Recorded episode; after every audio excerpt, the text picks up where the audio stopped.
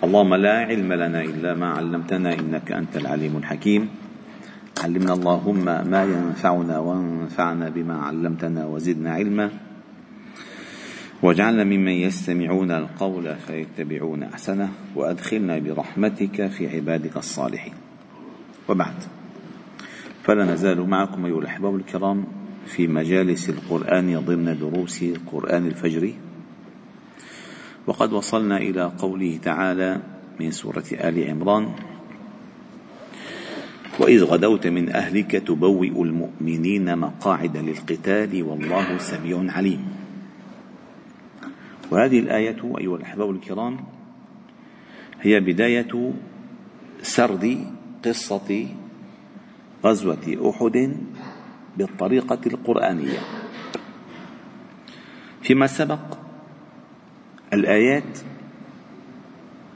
تعلم المسلمين التصدي للحروب الفكرية والكلامية. فإن أغلب ما سبق من آيات الله تعالى في سورة آل عمران هي في محاججة أهل الكتاب وفي كشف أساليبهم المنحرفة والضالة وكيف يكتمون الحق ويحرفون الكلم ويقتلون الأنبياء ويعرفون الحق ويكتمونه. وكيف النبي صلى الله عليه وسلم دعاهم إلى كلمة سواء ألا نعبد إلا الله؟ ولكنهم كانوا ينسبون أنفسهم إلى إبراهيم عليه السلام زورا. فالله جل جلاله تعالى برأ إبراهيم عليه السلام من نسبة أمثالهم إلى إبراهيم عليه السلام وقال, وقال تعالى ما كان إبراهيم يهوديا ولا نصرانيا ولكن كان حنيفا مسلما وما كان مشركين إن أولى الناس بإبراهيم للذين اتبعوه وهذا النبي والذين آمنوا والله ولي المؤمنين. كل ما سبق من آيات الله هي آيات في في محاججة أهل الكتاب في مواجهتهم في حروبهم الفكرية والكلامية. وختم الله تعالى هذه الآيات بقوله تعالى وإن تصبروا وتتقوا لا يضركم كيدهم شيئا. إن الله بما يعملون محيط. وأوائل هذه الآيات في فيما ختم الله تعالى بها هذه القصص ها أنتم أولئك تحبونهم ولا يحبونكم وتؤمنون كله وإذا لقوكم قالوا آمنا وإذا خلوا عضوا عليكم الأنم من الغيظ قل موتوا بغيظكم إن الله يعلم ذات الصدور إن تمسسكم حسنة تسؤهم وإن تصبكم سيئة يفرحوا بها. وإن تصبروا وتتقوا لا يضركم كيدهم شيئا. إن الله بما يعملون محيط. فإذا في مواجهة الحروب الكلامية والفكرية هناك صبر وتقوى. وعندما ننتقل إلى الحروب البدنية وفي السيوف والرماح كذلك ينبغي أن يكون هناك صبر وتقوى. فأتت هذه الآية فاصلة ما بين الحروب الفكرية وما بين الحروب البدنية. وغزوة أحد أيها الأحباب الكرام في نظرة سريعة لها قبل الخوض في آياتها التي ذكرها الله تعالى في كتابه. غزوة أحد أتت ثأرا لهزيمة قريش في غزوة بدر. ففي غزوة بدر انتصر المسلمون على المشركي مكة وأسروا منهم سبعين وقتلوا منهم سبعين. وكانت بدر كما الله تعالى سماها في سورة الأنفال يوم الفرقان يوم التقى الجمعان. فجروا أذيال الخيبة والندامة وعادوا بشر هزيمة إلى قريش إلى مكة. وحلفوا ونذروا ألا يهدى لهم بال حتى ينتقموا لهزيمة بدر. فحشدوا الحشود. وكانت ثلاثة آلاف مقاتل وأخرجوا معهم نساءهم وأبناءهم. للاستماتة في القتال. لأن الأعراض معهم الأبناء معهم.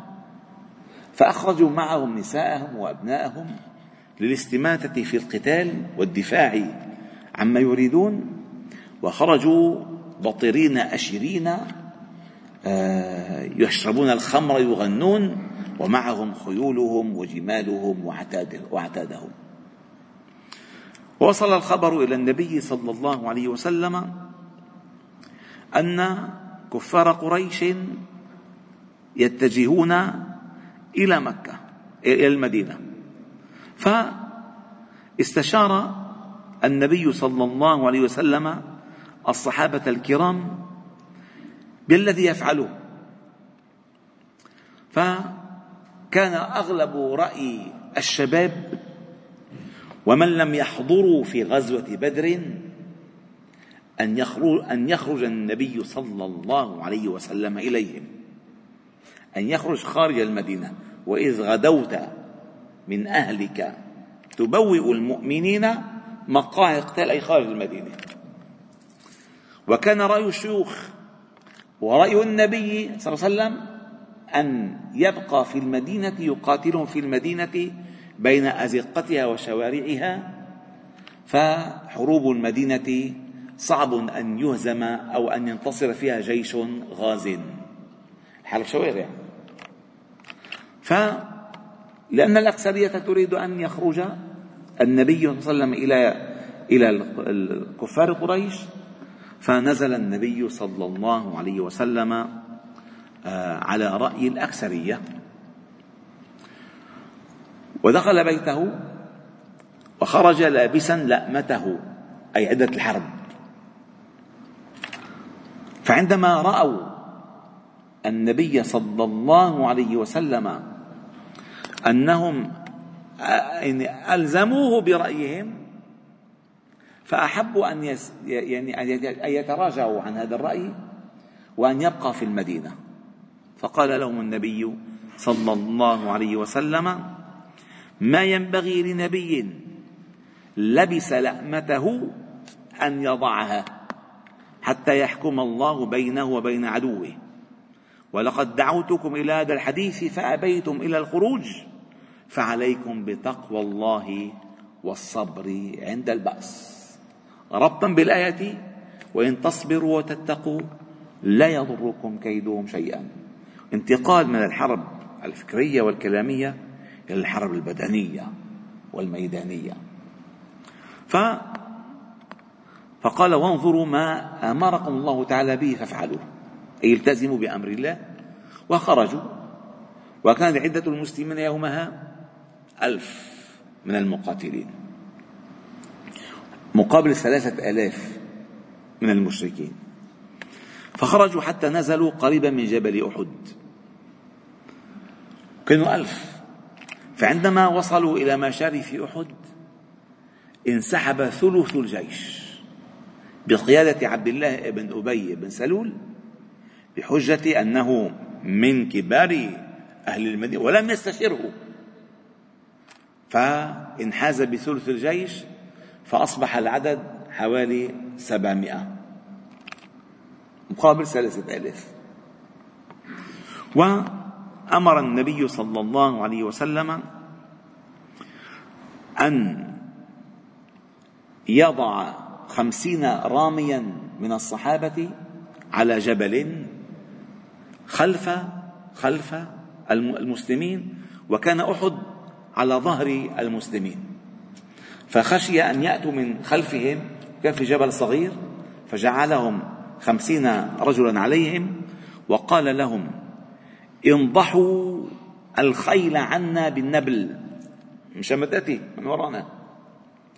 ولا يأتون من خلفنا وإن كانت لنا أو علينا فالزموا أماكنكم لا نؤتين من قبلكم. واحموا ظهورنا. وإن رأيتمونا نقتل فلا تنصرونا. وإن رأيتمونا نغنم فلا تشركونا. هذا الأوامر. ابقوا حيث أنتم مهما حصل. سواء انتصرنا أو قتلنا لا تتحركوا. لا تتحركوا. وبدأت المعركة. واستبسل كفار قريش بالقتال على أساس بدهم ينتقموا لأن كبار مشركي قريش ماتوا ببدر. فاستبسلوا بالمعركة وبدأ نصر الله تعالى ينزل على المسلمين. بقوله تعالى ولقد صدقكم الله وعده إذ تحسونهم بإذنه. تحسون أي تقطعون رقابهم. لك حس على رقبته حس حس. فتحسونهم ولقد صدقكم الله إذ تحسونهم بإذنه حتى إذا فشلتم وتنازعتم في الأمر وعصيتم. من بعد ما أراكم ما تحبون أي أراكم النصر. منكم من يريد الدنيا ومنكم من يريد الآخرة. فعندما رأى المسلمون آه، على جبل الرماة أن الكفار انكشفوا وبدأوا بالهروب وبدأ المسلمون يغنمون. أم ياخذوا الغنيمة؟ فقالوا فلنشارك إخواننا الغنائم. فقال أميرهم عبد الله بن جبير إلزموا أماكنكم أمر رسول الله صلى الله عليه وسلم. فبتعرف لمعت منكم من يريد الدنيا. ومنكم من يريد الآخرة. فالذين بقوا في الجبل أرادوا الآخرة. والذين نزلوا أرادوا الدنيا الغنائم. فانتبه خالد بن الوليد وكان لا يزال مشركا على انكشاف ظاهر المسلمين فالتف بخيله التف بخيله حول جبل أحد وانقض على بداية على الرماة فقتلهم جميعا جميعا. ثم انقض على المسلمين من ظهورهم وبدأ فيهم بالسيف. فانتبه المشركون لذلك فعادوا بعد أن فروا عادوا فوقع المسلمون في يسمى بالحرب حرب الكماشة وقعوا بالفخ من وراء ومن قدام. وقتل منهم سبعين سبعون. وجرح النبي صلى الله عليه وسلم جراحة عظيمة. حتى ظن أنه قد قتل. وصرخ الشيطان في المعركة قتل محمد. لأنه لماذا قيل هذه المسألة؟ لأنه وقع في حفرة. هذه الحفرة حفرها اسمه أبو عامر الراهب. عملوا عملوا فخ. فوقع فيها ودخلت خوذته ومغفرته في خده. وكسرت رباعيته وشج رأسه. وامتلأ رأسه دم كله كله. فلما شافوا هيك فظنوا أنه قد قتل. فقويت المعركة وقال صلى الله عليه وسلم إلي إلي رسول الله. فاجتمع حوله ثلاثون مقاتلا يدافعون عنه والقصة طويلة وليس هذا وقت سردها ولكن نحكي القصة بالإجمال. حتى انحازوا إلى الجبل إذ تصعدون ولا تلوون على أحد. وعاد آه، كفار قريش حيثما أرادوا وعاد المسلمون بهذا الدرس العبرة. تفاصيل هذه القضية القرآنية السيرية النبوية ستأتي تباعا من قوله تعالى وإذ غدوت من أهلك تبوئ المؤمنين مقاعد للقتال والله سميع عليم. والحمد لله رب العالمين. سبحانه وبحمدك نشهد أن لا إله إلا أنت نستغفرك ونتوب إليك. صل وسلم وبارك على محمد وعلى آله وأصحابه أجمعين. الحمد لله رب العالمين.